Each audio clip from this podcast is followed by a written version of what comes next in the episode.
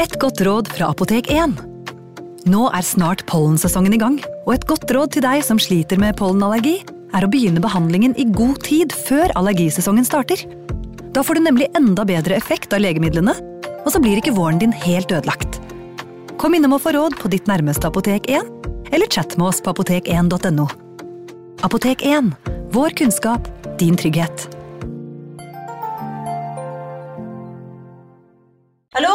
Jeg kommer fra Oslo politikammer. Ine Jansen er purk. Er du purk? The motherfucking bitch. Alt jeg vil, er å finne ut hva som skjedde med mannen min. Jon Carew. Er jeg sikta for noe? Iben Akeli. Det er du. Ole So, Lars Berrum og Big Daddy Karsten. Hvem sin side er du på, egentlig? Anette Hoff, Tone Danielsen, Kommer du fra Afrika? Jørnis Josef, Nesten. Kløfta. Trond Espen Seim, Det er synd å si det, men det var feil mann som døde. Purk. Premiere tirsdag på TV2 Play. Advarsel. I denne podkasten vil du høre historier basert på informasjon programlederne har funnet selv. Programlederne står ikke nødvendigvis inne for meninger og syn som fremstilles. Noen påstander kan avvike fra virkeligheten.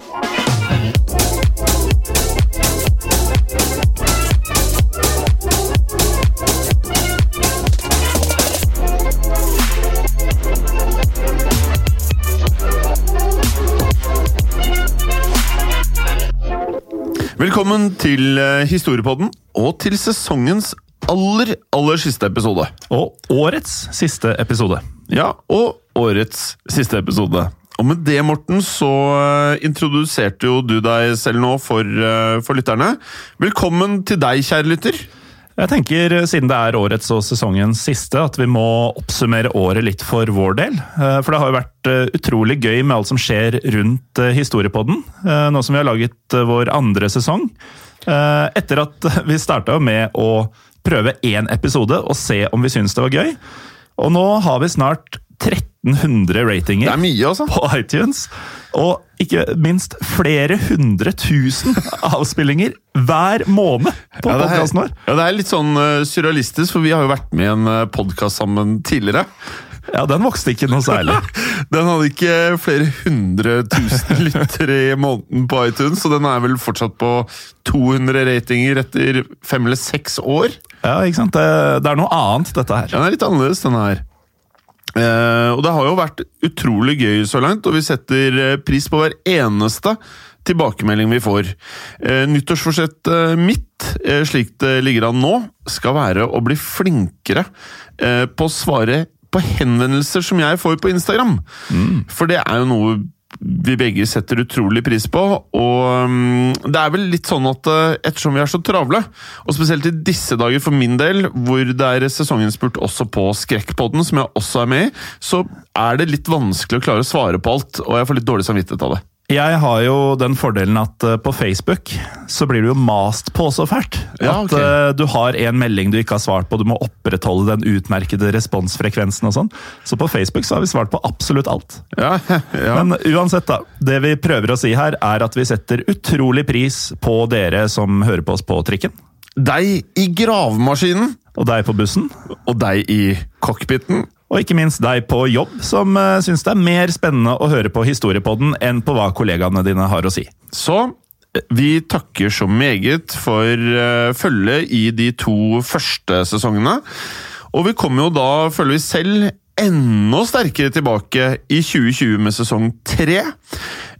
Og da kommer vi også med noen sånne småjusteringer som vi gjorde fra sesong én til sesong to, som vi håper vil gjøre historiepodden enda mer fornøyelig å høre på.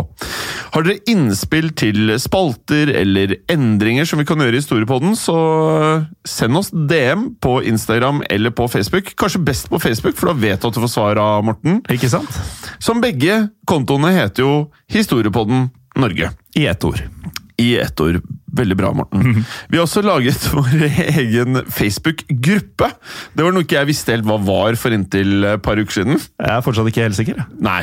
Er, hvis jeg har forstått det riktig, så er det da en eh, lukket gruppe som ikke alle har tilgang til. Og hvor alle som er fans og lytter av Historiepodden, og også oss selv, kan eh, distribuere og dele informasjon. Mm. så jeg tenkte på at det kanskje kunne bli en sånn megaressurs da, for å få inspirasjon til nye episoder. Det kan være. Men hva heter denne gruppa igjen? Ja, Det var jeg som lagde den her litt sent uh, her om dagen, så det er ikke mest kreative navnet. Den heter Historiepodderne. Ja. I mangel på et bedre navn. Kan være uh, det endres til uh, sesong tre også, da. Litt fokus på dagens tema nå, eller? Ja, la oss justere tidsmaskinen vår tilbake i tid. Og hvilken tid, Morten, skal vi tilbake til nå? Vi skal til det som vel er i ferd med å bli favoritten vår, nemlig andre verdenskrig. Om det er. Vi skal um, snakke om det som er den mest uh, tipsede episoden så langt. Og, og, vi har fått mye tips, kan jeg si, over det siste året. Uh, og da betyr det jo at når dette er det mest populære temaet, så er dette her om en helt, helt spesiell person. Altså, Jeg gleder meg til å spille inn det her eh, med deg nå, Jim, men jeg har meg, og vi har gleda oss lenge til å øh, jobbe med denne fyren. Ja, for det, å gjøre researchen er jo øh, halve greia. Um, men uh, sånn jeg har skrevet det nå, Morten, så ønsker jeg at du skal starte med å gjøre en liten øvelse her. Se nå for deg at du er en tysk nazisoldat i Europa under annen verdenskrig. Det er jo ikke det mest fornøyelige oppdraget jeg har fått, men uh, greit. Du venter nå på at fiendens tropper skal dukke opp, selvfølgelig. Du anstrenger øynene og ørene etter det minste av spor. Du ønsker å ha fordelen av å vite når fienden dukker opp. Så jeg har spissa ørene til uh, sitt spisseste? Ja, ørene er spisset. Så hører du en lyd du ikke hadde forventet å høre. Uh, ok, hva da? For midt mellom praten med dine medsoldater, for du går jo da rundt med andre soldater, mm. og grusen under føttene deres, så hører du det i det fjerne Skudd og kanoner? Nei, nei, nei. Du hører en lyd som jeg liker veldig godt. I bagpipe! Du hører lyden av det som på norsk kalles en sekkepipe. Altså denne posen med pinner som, uh, som lager musikk. Ja, riktig. Det er jo kanskje noe man skulle tro nazistene ikke hørte så ofte. Nei, Jeg tror heller ikke de hørte dette så ofte. Uh, dette er bare starten på en litt sånn ukonvensjonell rekke av situasjoner som uh, dukker opp utover i denne episoden. Ja, For denne sekkes, eh, sekkepipespillinga den henger tett sammen med karen vi skal snakke om i dag. Ja, Vi skal nemlig prate om en helt. Han var virkelig en helt. Eh, han var kjent for mange forskjellige ting, og um, som dere nå har forstått, så var det å spille sekkepipe i både tide og utide, som man sier. Noe som eh, ofte forvirret disse tyske nazitroppene. Og da vi leste oss opp om eh, denne helten vår, så skjønte vi hvorfor han var den mest populære eh, blant lytterne våre. Dagens mann er Jack Churchill, som også gikk under kallenavnet Mad Jack. Eller Fighting Jack Churchill. To meget beskrivende kallenavn. Ja, Hans eh, fulle navn var John Malcolm Thorpe Fleming Churchill, og han ble født i Surrey i England i 1906. Når man hører Churchill og andre verdenskrig eh, sammen, så tenker man jo naturlig nok på en annen person. Men vi kan avsløre at eh, Jack Churchill altså ikke var i noen som helst slekt med Winston Churchill, som var Storbritannias statsminister under andre verdenskrig. Ok, Sa du ikke at han het John? Jo, uh, han ble født John, men av en eller annen grunn så er det mange som heter John, som får kallenavnet Jack. Og Det skjønner ikke jeg, for det er fire bokstaver i begge navn. Er ikke kallenavn sånn skal være enklere? Jo, egentlig. Og jeg, jeg googla litt for å finne årsaken til dette, men jeg fant bare noen uh, altså Hvis du er uh, spesielt interessert der ute, da, så kan du google hvorfor John ble kalt Jack. Jeg fant bare noen ekstremt nerdete lingvistiske forklaringer, så vi får bare godta at han brukte navnet Jack. Ok, nå hadde Winston Churchill faktisk en bror også som het Jack, da. Men det er altså en annen Jack Churchill enn eh, han vi skal snakke om i dag. Føler vi bare måtte nevne det for de av dere som eh, kommer til å google temaet, mest sannsynlig, hvis du ikke var en av de mange tusen som tipset oss eh, om dette her. Mange ti tusen. Ja, mange ti tusen. Um, Og da kan du lese deg selvfølgelig mer opp om Mad Jack. Eh, Men altså her, ikke bli forvirret. De er da altså to helt forskjellige personer. Men eh, ja, samme krig og fra samme land. Men han vi snakker om i dag, er ikke i slekt selvfølgelig da med Winston i det hele tatt. Så vår Jack ble altså født i England i 1906. Han eh, vokste opp velutdannet.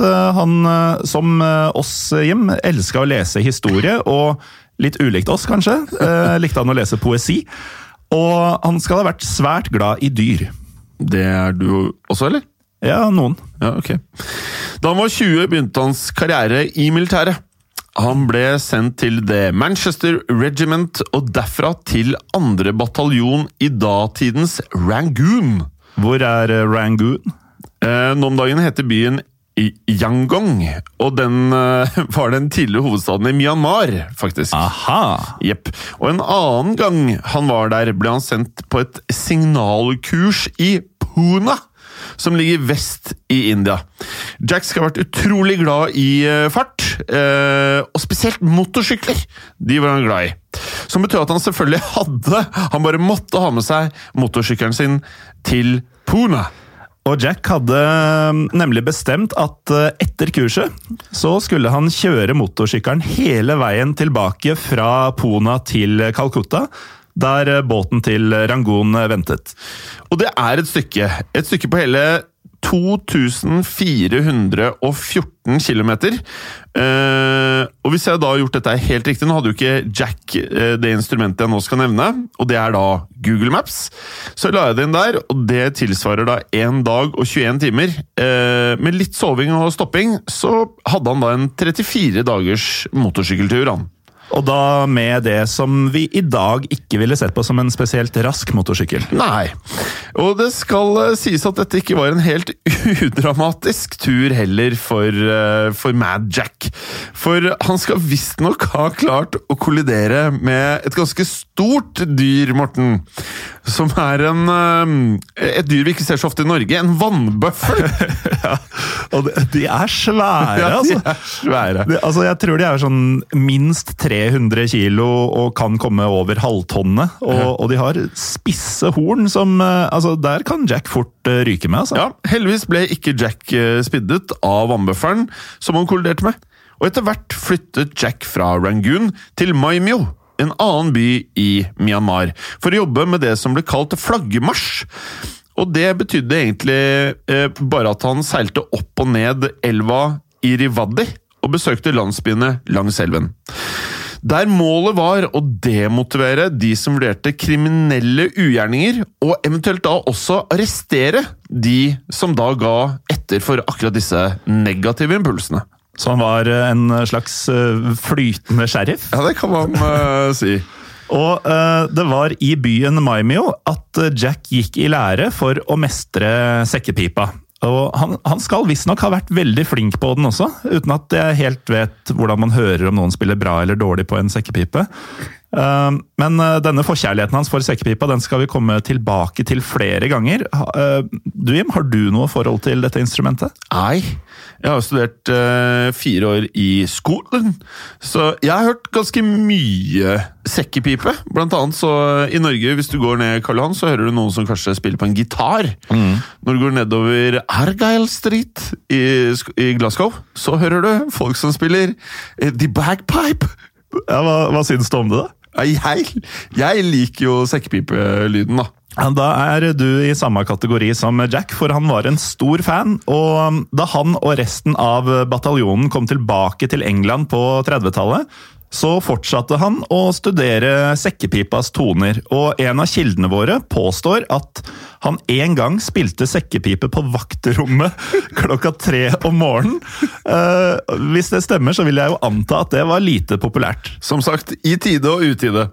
Han var ansett eh, på sin tid som man kanskje begynner å få litt følelsen av, som ulydig.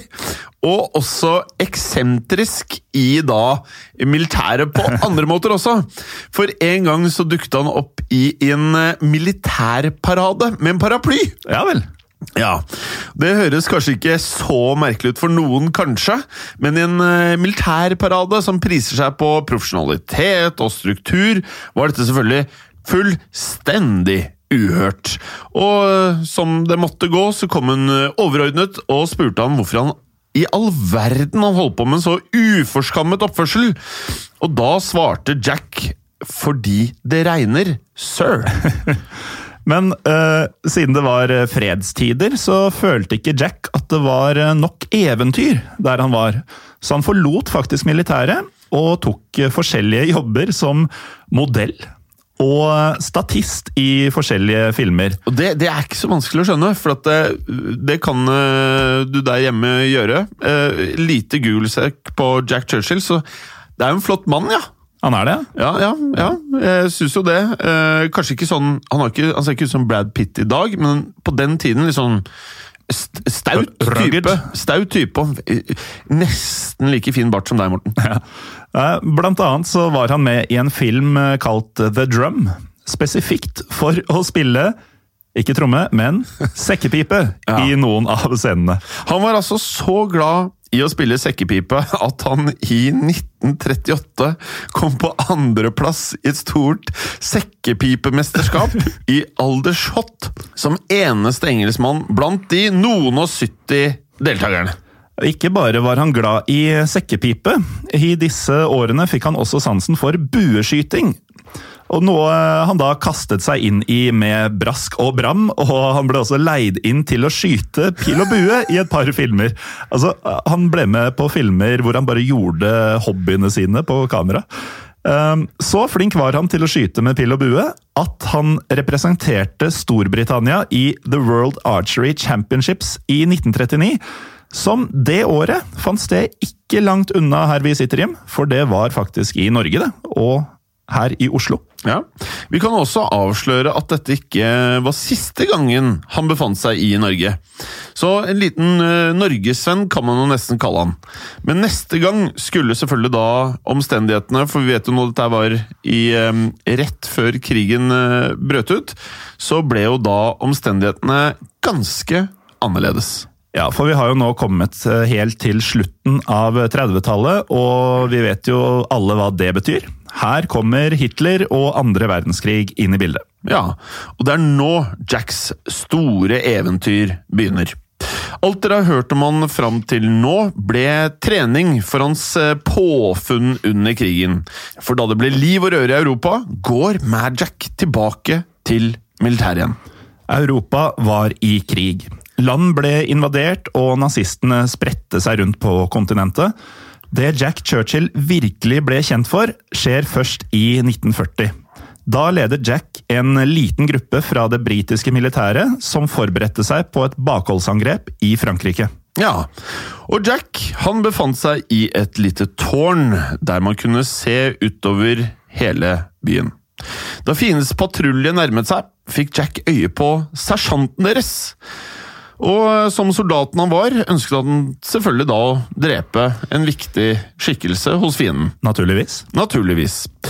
Og det han da gjorde, var å sikte seg inn mot eh, nakken til sersjanten. Men her kommer tvisten. Det var ikke med en rifle eller en pistol, men det var med buen sin. Han skjøt altså da sersjanten med en pil fra buen sin. Jack hadde nemlig tatt med seg sine ferdigheter i bueskyting ut på slagmarka, selv om eh, det var et eh, mildt sagt eh, uortodokst våpen å, å bruke så sent som under andre verdenskrig. Hvor man forventer mer maskingevær, sniper rifles og sånne ting. Men Jack fikk dermed æren av å være den Sannsynligvis. Um, en av svært få, kanskje den eneste, under andre verdenskrig, som drepte en fiende med pil og bue. Ja, og ikke bare det. Etter at Jacks pil hadde signalisert begynnelsen på bakholdsangrepet, så sprintet han ut av tårnet mot fienden. De var opptatt av skuddene som ble fyrt mot dem, og enset da nesten ikke at Jack eh, stormet mot dem, for han var helt inntil dem med sitt andre favorittvåpen, som var et svært sverd. Så han storma en fiende utstyrt med maskingevær med et sverd. Ja, riktig. Og her, her skjønner man jo litt hvorfor han ble kalt Mad Jack. Og det, det minner meg litt om uh, den scenen i Band of Brothers, hvor de allierte lider av ledere som rett og slett ikke tør å være i ilden. Hvor de får uh, Ronald C. Spears som ny leder. Han løper da gjennom et kuleregn for å levere en beskjed. og alle tyskerne bare fryser til og ser på Spears, mens han like gjerne løper gjennom rekkene deres. Og som om ikke det var nok, så løper han også gjennom akkurat det samme kuleregnet på vei tilbake. Ja, Fantastisk scene i Band of Brothers, som for øvrig er min favorittserie slash film om annen verdenskrig ever. Den ligger på HBO, så nå er det snart juletider. Ta dere en kikk. Innimellom trakk han frem revolveren på klosshold også, men han var svært glad i å trekke sverdet. Fiendepatruljen ble overveldet av denne mannen som kastet seg inn i dem med sverdet og endte med å vifte med et hvitt tøystykke. Ja. Eh, Og det betyr jo da at de overga seg, og Jacks patrulje tok hele gjengen til fange. Etter dette fikk han kallenavnet Fighting Jack, altså Kjempende Jack. Og han kjempet jo definitivt på uventet eh, vis. Hvis, eh, hvis jeg hadde vært en tysk soldat under andre verdenskrig, som du ville ha meg til å late som jeg var i stad, så hadde jeg nok blitt ekstra overraska, og ikke minst eh, veldig redd. Jeg hadde blitt, jeg hadde blitt livredd kom det en fyr løpende mot meg med, med sverd. Ja, og bue. Eh, det, det ble kanskje sett på som litt avleggs, men eh, Jack viste jo at det trengte det ikke å være. Dette kunne være høyst effektivt, og han syntes faktisk det var helt nødvendig å bruke sverd, og kunne ikke tenke seg å ikke ha ett i beltet sitt. Og vi fant et ganske bra sitat av han om eh, akkurat det, hvor en, eh, en overordnet spurte hvorfor han tok med et sverd ut i strid. Og det han skal ha svart, var Any officer who goes into battle without a sword is improperly dressed. Altså, han mente at man var feil kledd om man gikk eh, uten sverdet sitt i krigen. Og de andre hadde et positivt inntrykk av eh, Mad Jack. Brigaden hans hadde en krigsdagbok, og der står det litt om Jack. Hør på følgende. One of the most reassuring sights of the embarkation from Dunkirk was the sight of Captain Churchill passing down the beach with his bows and arrows. His high example and his great work were a great help to the 4th Infantry Brigade. Fins det en film om Mad Jack? For det føler jeg at det burde være. Nei, Jeg var inne på IMDb, DB, selvfølgelig, men jeg, jeg, jeg fant ikke noe annet enn der han faktisk er seg selv med sekkepipen og pil og buen. Men du har helt rett, han passer perfekt til å være grunnlaget for en, en, en film.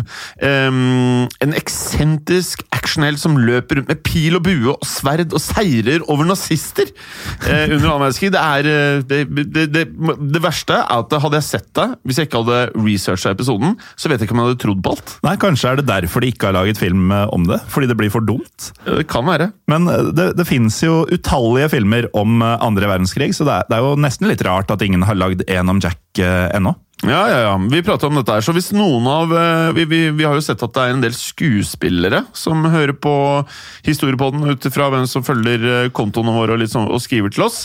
Kanskje det er noen filmskapere der ute som hører på, mm, på historiepodden. Og da ja, nå har jo Norge begynt å lage noen høybudsjettsfilmer, og Netflix og HBO har kommet til Norge. Kan ikke dere se om dere ikke kan eh, klare å pitche inn en film om Jack? Ja, Da hadde vi, eh, vi gått og sett den på kino, i hvert fall. Eh, Men tilbake til eh, historien. En gang etter retrett fra Frankrike skal en, en venn ha støtt på Mad i Flandern-landskapet. Som er et stort naturlandskap som går gjennom Frankrike, og er hovedsakelig det som utgjør Vest-Belgia og Nederland. Jack han kjørte av gårde på, på motorsykkelen sin, han. Og vennen hans la merke til at øret hans var dekka av tørka blod. Og Da sa Jack eh, rett og slett i en veldig sånn lett tone at nei, det var eh, tysk eh, maskingeværskudd som hadde truffet han i øret. Eh, og de andre soldatene hadde jo da ropt i den situasjonen at han måtte passe seg, men Det hadde han da ikke gjort, fordi han hadde vært for trøtt og for sliten til å følge med. Ja, Det er jo litt som Adrian van der Fjert. De var ikke spesielt eh, nøye på om de ble skadet. Og det virket ikke som at eh, Jack tok dette spesielt tungt. Og det å bare så vidt unnslippe fiendens skudd gjorde jo ikke noe spesielt inntrykk på han heller som gjører. Det var i denne tiden folk begynte å kalle han for Magic. Mange syntes det virket som han kastet seg ut i farlige situasjoner, kanskje av og til litt unødvendig, og levde på et type ja, et adrenalinkick, da. Man begynner jo å skjønne at Mad Jack eh, er et passende navn på denne fyren. Fighting Jack, Mad Jack, kjært barn. Ja, har mange navn. Ja. og nå uh, har vi kommet til 1941, og Jack skal tilbake til Norge, Jim. Mm. Og hva han gjør her til lands, det skal dere få høre etter en kort pause. Velkommen tilbake. Vi er jo her hvor Jack på nytt blir eh, norgesvenn og blir sendt til Norge. Men denne gangen var det ikke for en bueskytterkonkurranse. Jack hadde gjennomgått hardtrening for hemmelige oppdrag i Skottland Scotland. en stund. Og der fortsatte han med den uvanen med å spille sekkepipe midt på natta når andre forsøkte å sove. Og som sist han spilte sekkepipe til uvante tider, så mistenker vi at det heller ikke denne gangen kunne ha vært eh, spesielt populært. Men da treningen var ferdig, ble Jack omsider sendt til Norge igjen. Her var det som kjent en tysk okkupasjon på gang av nazistene. Ja, Tyskerne okkuperte landet, men ikke uten motstand. Eh, britene utførte flere militære aksjoner i Norge på denne tiden. Eksempel det vi har pratet om tidligere, noe av favorittresearchen vi har gjort, det var jo om Operasjon Muskedunder. Eh, der målet var å ødelegge kraftverkene i Glomfjord. Den operasjonen Jack Churchill deltok på her, var Operasjon Archery, og var rettet mot Måløy og Vågsøy i Sogn og Fjordane. Det kalles også Måløy-raidet. Har du lagt merke til at nå begynner vi å få så mange episoder at vi kan trekke linjer mellom dem? Jeg, jeg liker det. Vil du ha flere linjer? Er det flere? Da vi snakket om Operasjon Muskedunder, snakket vi mye om en av nordmennene som var med, Magnus Djupdrett. Muskedunderen fant sted i 1942. Men Djupdrett hadde vært med i en annen operasjon i Norge før det. Og det var i 1941. Da var han med på operasjonen Anklet, som også kalles det andre Lofotraidet. Ok. Og det viser seg at Operasjon Anklet faktisk var en avledningsmanøver for Operasjon Archery, som Jack Churchill nå deltok i. Det er linjer overalt. Jeg syns det er veldig eh, spennende. Jeg merker at Vi blir jo flinkere etter hvert som vi gjør dette, vi også. Vi får mer kunnskap. Ikke sant? Så Operasjon Archery, som vi skal snakke om nå, var rettet mot Måløy og Vågsøy, og Jack skulle lede to kompanier mot Måløy. Er det da tilfeldig at operasjonen heter Archery, altså bueskyting, når Jack skulle være med? Jeg tror faktisk det er tilfeldig, men Jack likte det nok.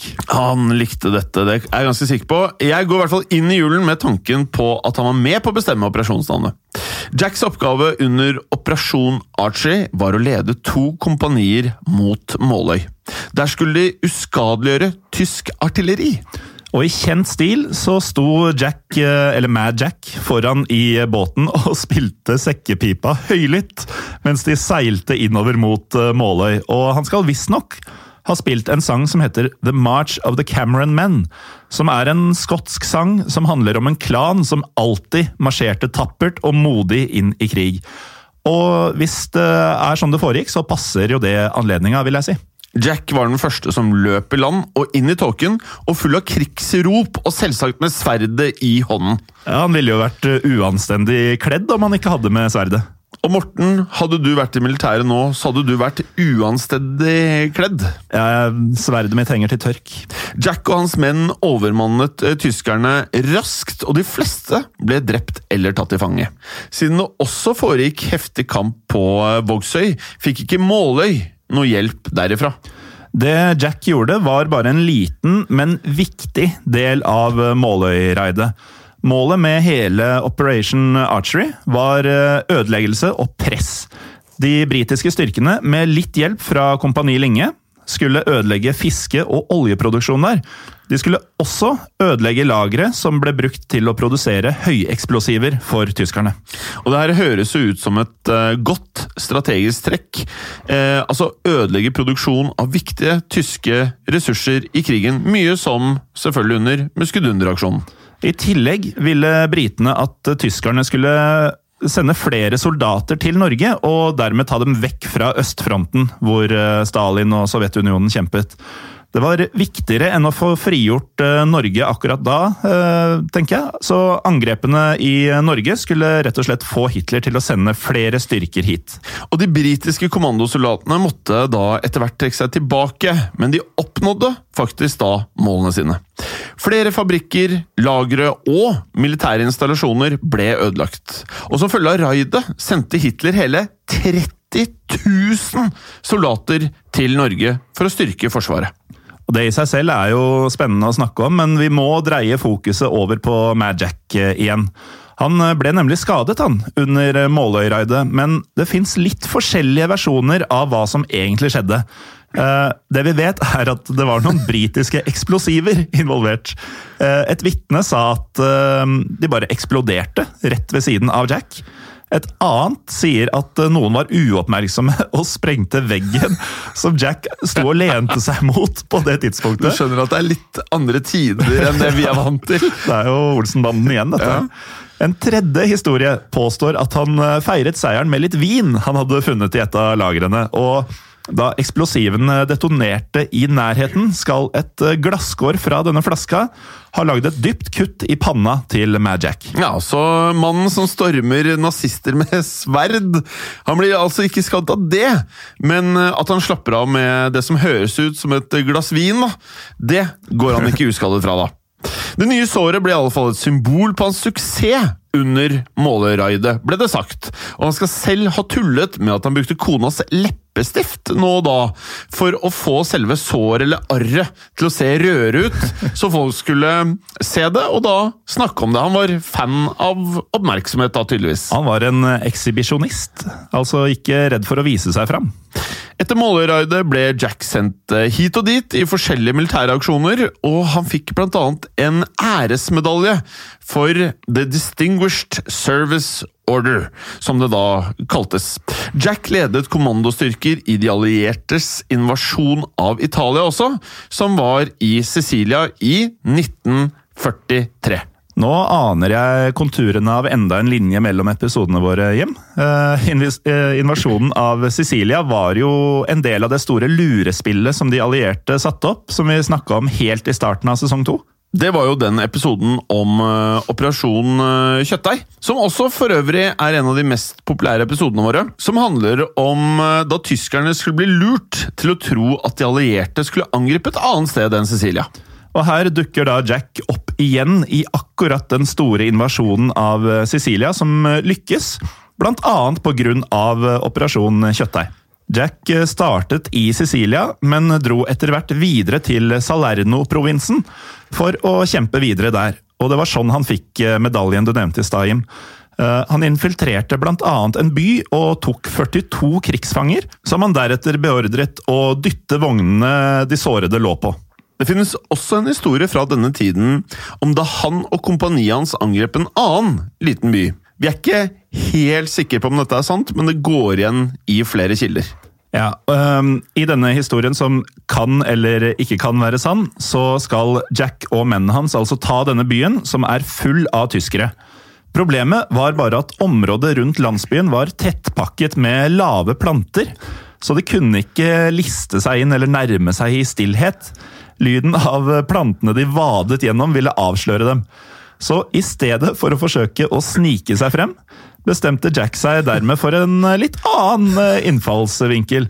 Hvor han spredte mennene sine utover området og beordret dem til å sprinte inn i mørket mot fienden, mens de alle ropte 'Commando!' Og på denne måten ville det da være en mindre sjanse for at de faktisk da skjøt hverandre.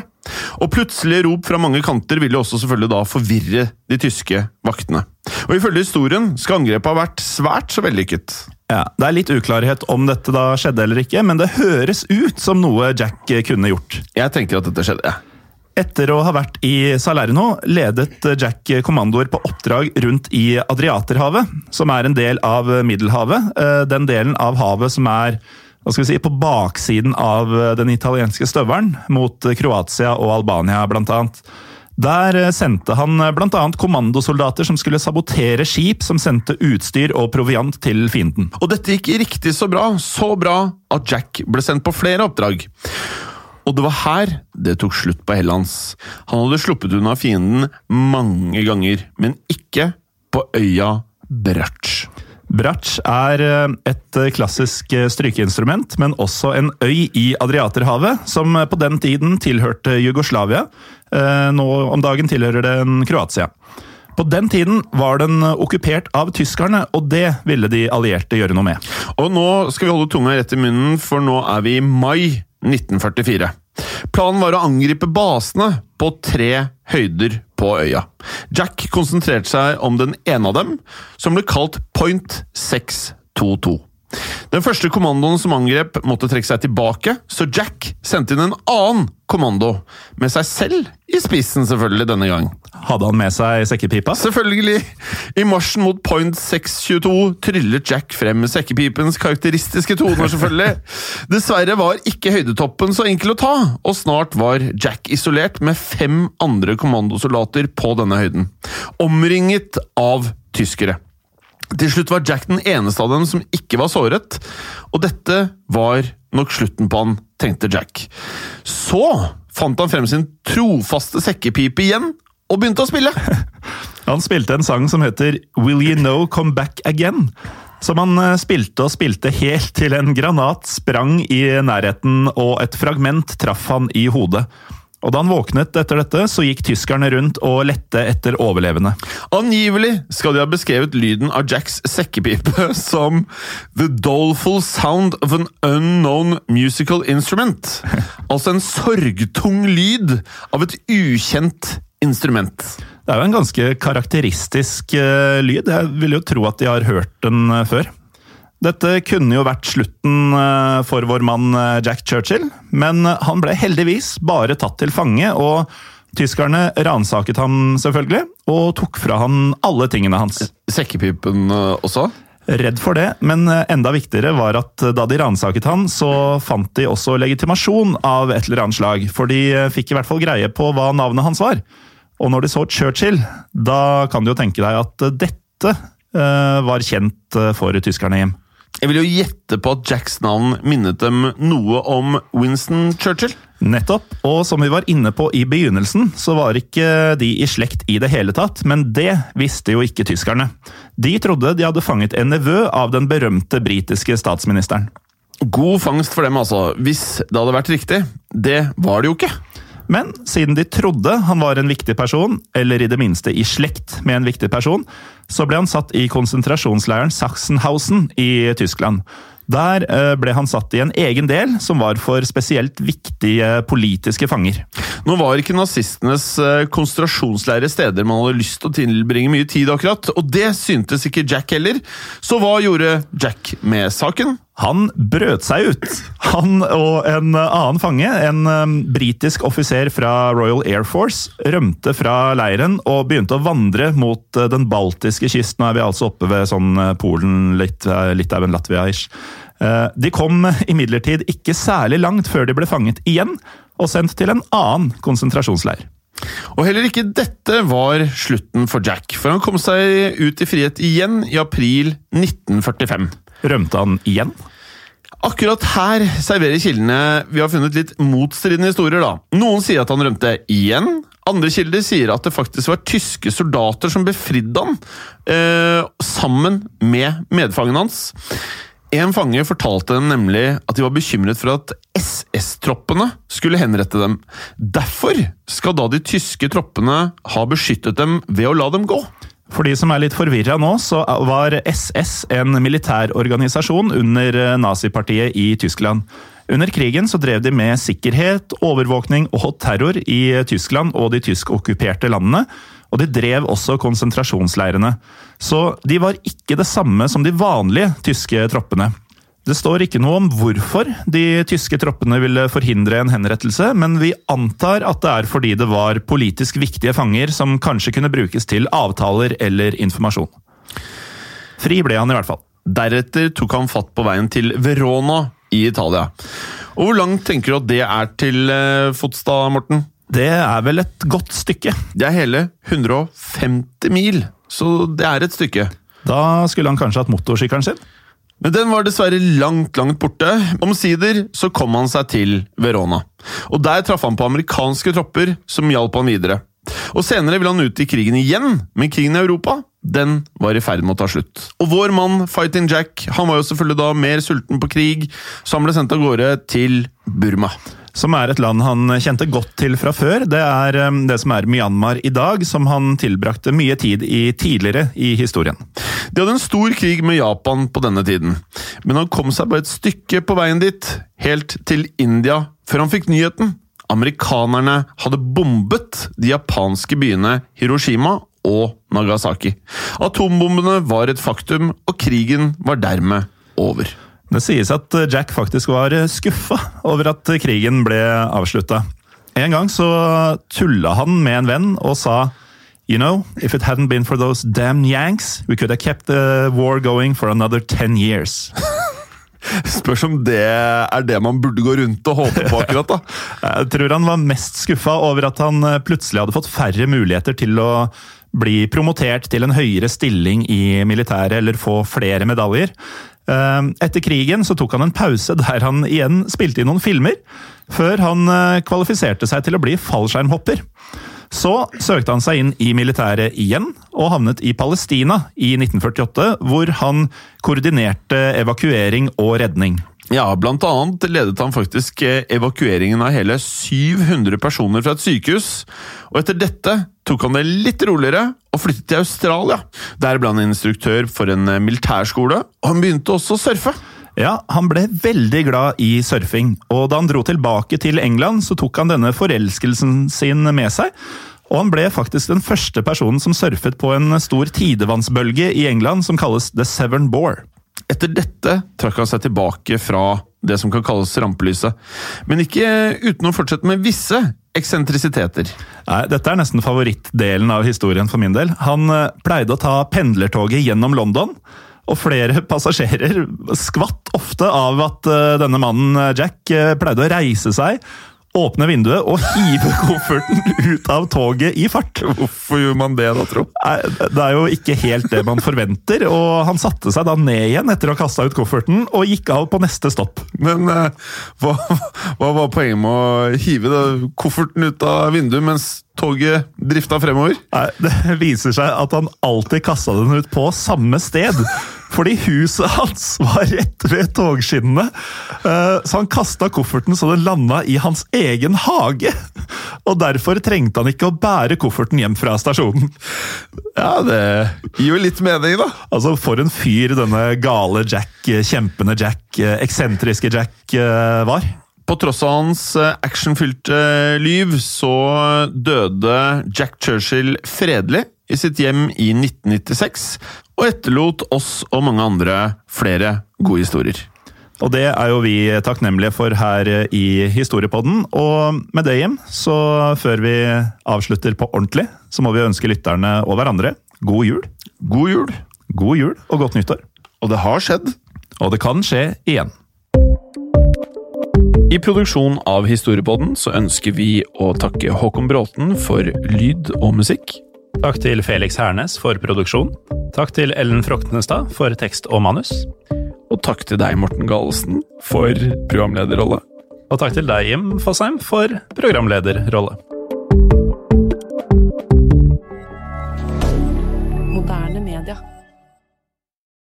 Har du et enkeltpersonforetak eller en liten bedrift? Da er du sikkert lei av å høre meg snakke om hvor enkelt det er med kvitteringer og bilag i fiken, så vi eh, gir oss her, vi. Fordi vi liker enkelt. Fiken superenkelt regnskap. Hei, og takk for at du lytter til Historiepodden. Skulle du ønske at du kunne høre en ny episode av Historiepodden hver eneste uke? Vel, da er det én ting å gjøre. Da kan du laste ned podkastappen Untold med det samme. For i tillegg til ukentlige episoder av podkaster som Historiepodden andre verdenskrig, Henrettelsespodden og også Gangsterpodden, så får du masse annet reklamefritt og også eksklusivt innhold. Last ned Untold i AppStore eller Google Play og start din 30 dagers gratis prøveperiode allerede i dag.